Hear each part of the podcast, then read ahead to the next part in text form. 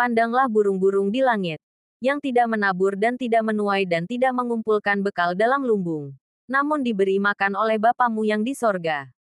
Salomo dalam segala kemegahannya pun tidak berpakaian seindah salah satu dari bunga itu. Semua itu dicari bangsa-bangsa yang tidak mengenal Allah. Bapamu yang di sorga tahu bahwa kamu memerlukan semuanya itu. Tetapi carilah dahulu kerajaan Allah dan kebenarannya maka semuanya itu akan ditambahkan kepadamu. Matius pukul 6.25.33.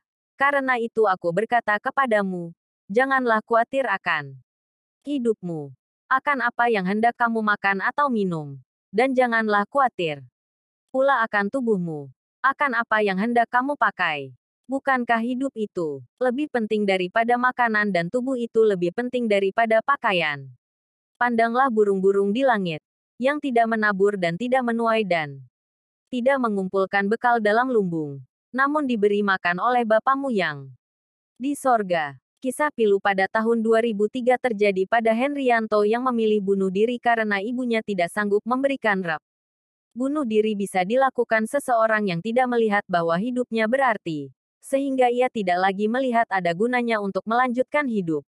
Padahal bukan kita yang memberikan kehidupan dan karena itu mengakhiri kehidupan juga bukanlah hak kita. Mari kita baca pesan Tuhan Yesus ini. Pandanglah burung-burung di langit, yang tidak menabur dan tidak menuai dan tidak mengumpulkan bekal dalam lumbung, namun diberi makan oleh Bapamu yang di sorga. Salomo dalam segala kemegahannya pun tidak berpakaian seindah salah satu dari bunga itu. Bapamu yang di sorga tahu bahwa kamu memerlukan semuanya itu.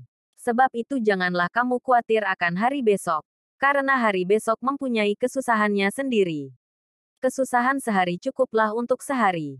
Paling sedikit ada tiga pesan yang disampaikan oleh Tuhan Yesus di sini.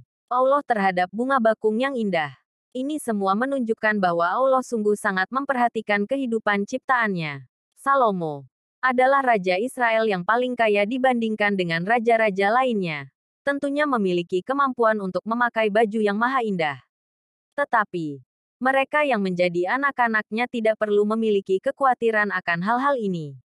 Rahasia keberhasilan menjalani hidup ini ada pada pesan Tuhan Yesus yang kedua.